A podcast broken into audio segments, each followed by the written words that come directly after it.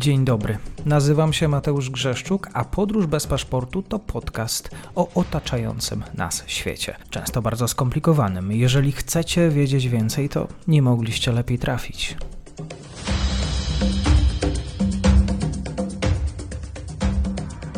Dzień dobry wszystkim słuchaczom. Dzisiaj patrzymy na Kaukaz. Y, przypominamy sobie o tym, że w Górskim Karabachu trwała wojna. Y, Armenia, Azerbejdżan, sprawy niedokończone. Ze mną jest Maciej Musiał, zespołu Mówiąc Wprost. Kłaniam się.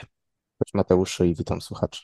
To tak jest, że rzeczywiście mamy krótką pamięć? Mm, wydaje mi się, że tak. E, myślę, że krótką pamięć mamy nie tylko my, ale myślę, że większość mediów międzynarodowych i myślę, że część też dyplomatów e,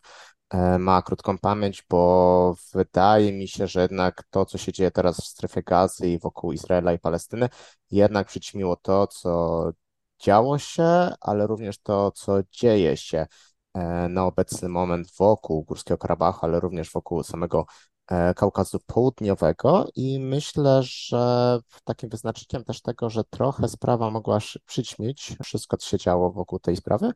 no było też to, że no 23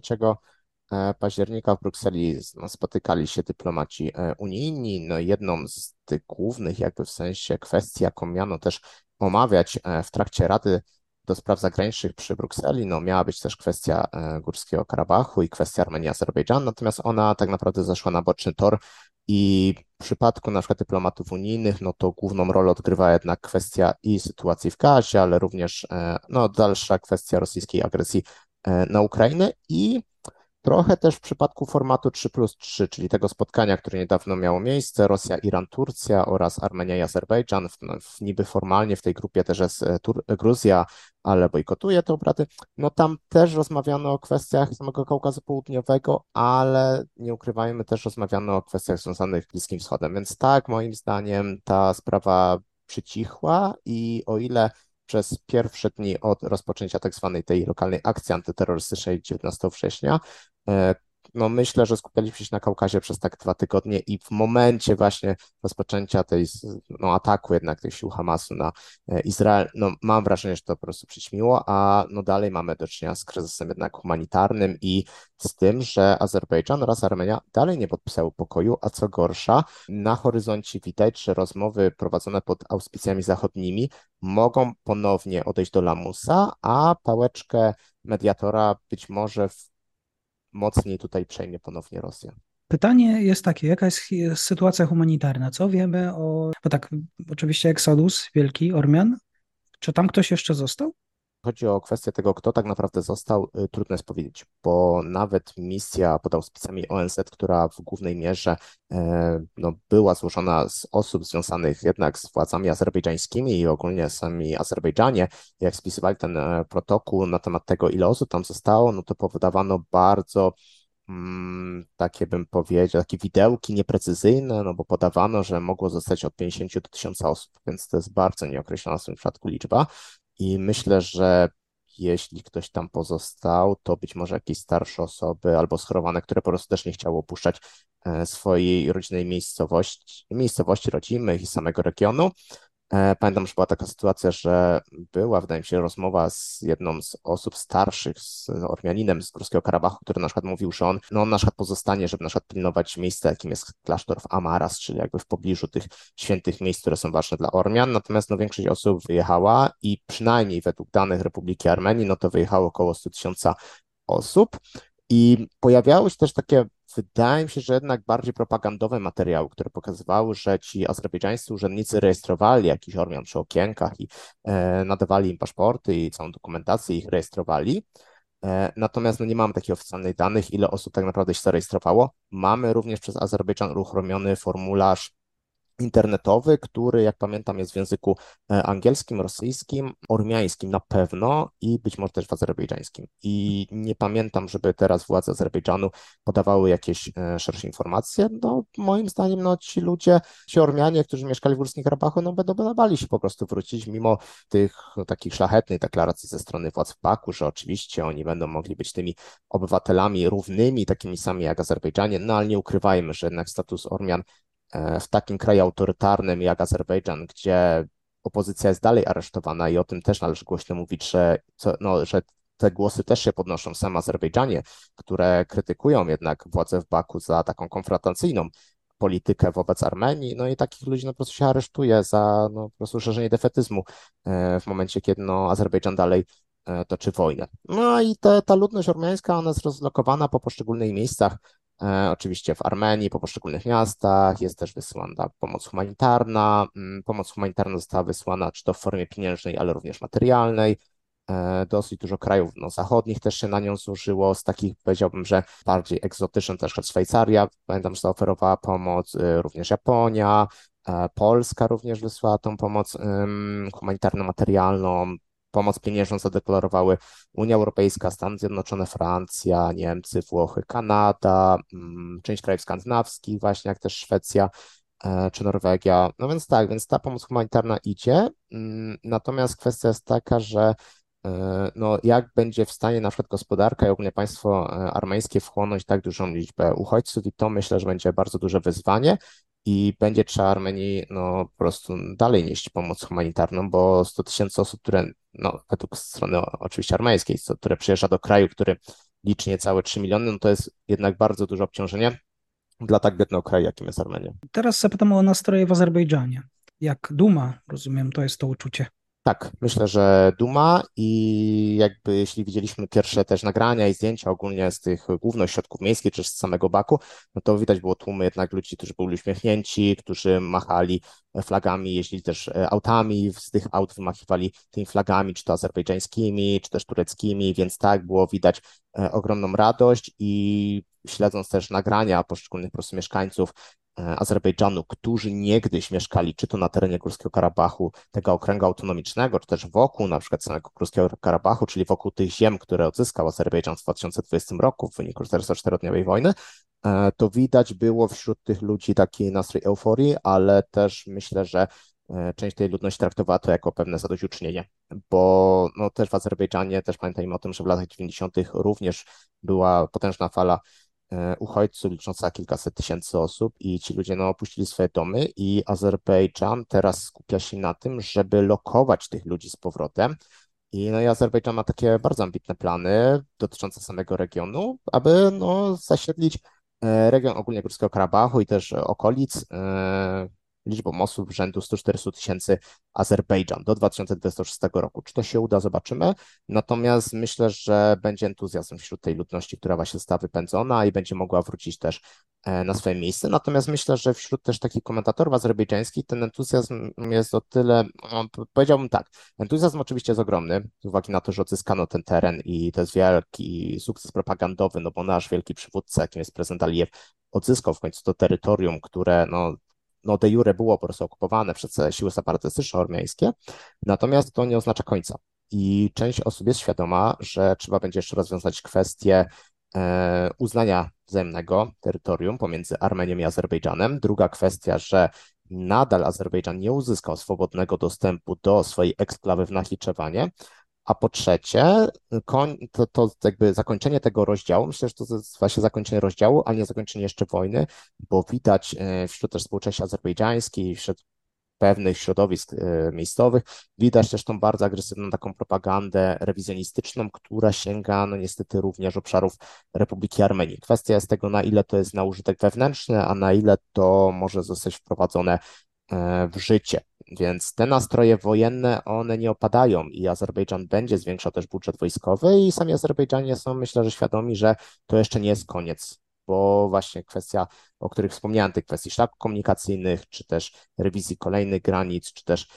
kwestia utrzymania tego terytorium będzie dalej podgrzewana i dalej myślę, że to będzie taka soczewka, na której będzie azerbejdżańskie społeczeństwo się skupiać mimo problemów, czy to z inflacją, czy też ogólnie z pensjami, czy też ze stopą życia, no bo też pamiętajmy, że stopa życia w Azerbejdżanie, no poza Baku, no jest niska i ogólnie w statystykach gospodarczych per capita no lepiej wypada, wypada nawet Armenia niż na przykład Azerbejdżan. Więc myślę, że władzom będzie zależeć na tym, żeby na przykład jakieś kwestie niezadowolenia albo frustracji społecznych jednak przekierowywać w stronę tej wojny i myślę, że też wojna w pewnym e, sensie propagandowo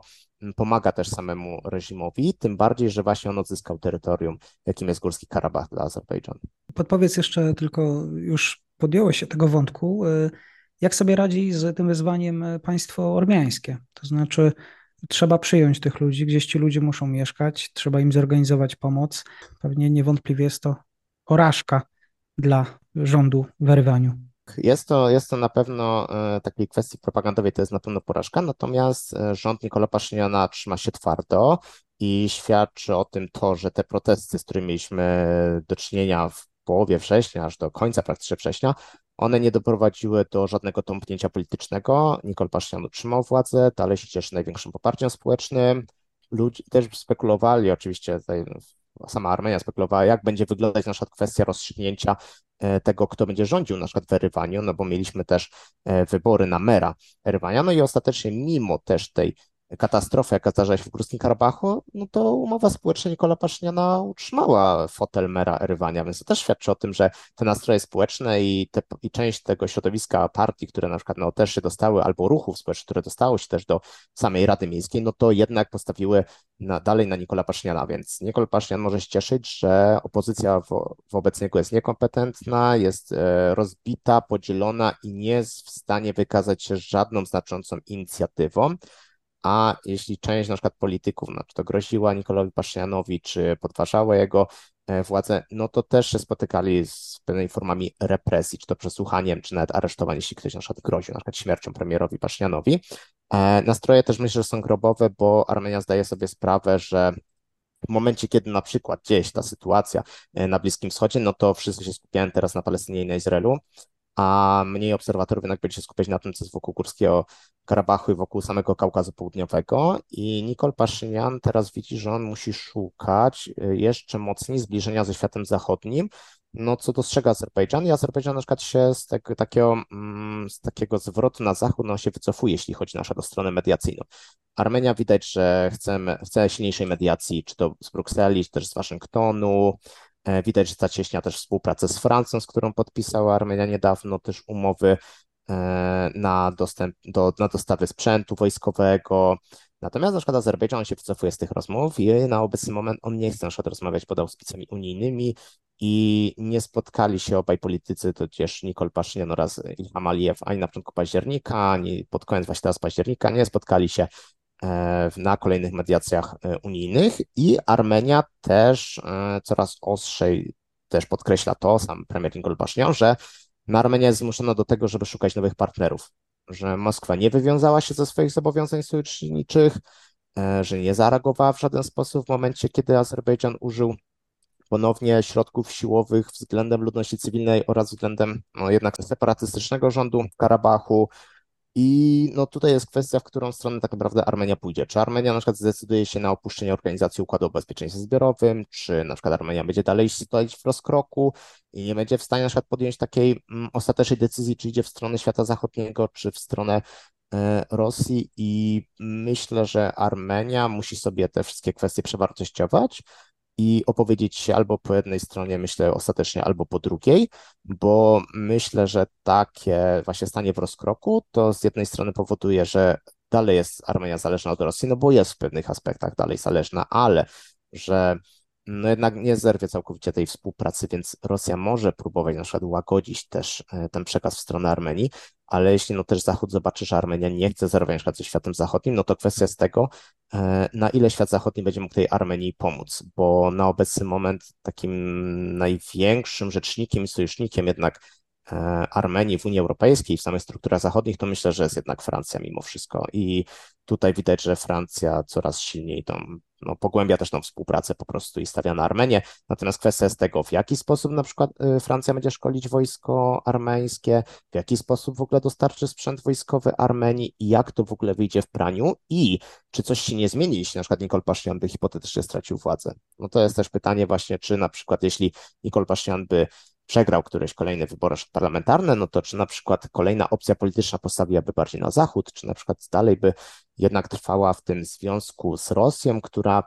jest w pewnym sensie partnerem, ale widać, że wiaryłomnym i takim, który nie do końca jest w stanie pomóc Armenii, chociaż część by osób mogło powiedzieć, że jeśli na przykład zmieniłby się rząd w Armenii i Nikol Paszynian by stracił władzę i ktoś by objął na przykład prorosyjski bardziej władzę, no to być może nastawienie Rosji do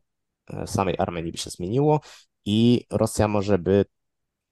taką ustawiła, taką cienką granicę, której na przykład Azerbejdżan nie mógłby przekroczyć w kolejnych konfrontacjach z Armenią. ale myślę, że na takie rozstrzygnięcie i na to, co pokaże przyszłość, musimy czekać. Na pewno Azerbejdżan jest w o wiele lepszej pozycji, odzyskał te utracone tereny, zwiększa budżet wojskowy. Turcja dalej deklaruje pomoc militarną, polityczną i gospodarczą Azerbejdżanowi i vice versa. Oczywiście mogą na siebie te kraje liczyć. Armenia nie miała, myślę, że w swojej historii po wojnie karabaskiej aż takiego silnego partnera, e, jakim miał Azerbejdżan, czyli Turcję, bo jak, no, jak pokazał czas, no to no, Rosja była w stanie również odwrócić się momentami od e, Armenii w momencie, kiedy ta e, próbowała iść w, trochę w stronę zachodu, ale nawet kiedy Armenia opowiadała się po stronie rosyjskiej i zacieśniała z tą relację, no to nie działało to w obie strony. No i być, być może Francja będzie takim partnerem dla Armenii, jak Turcja jest dla Azerbejdżanu. Czas pokaże.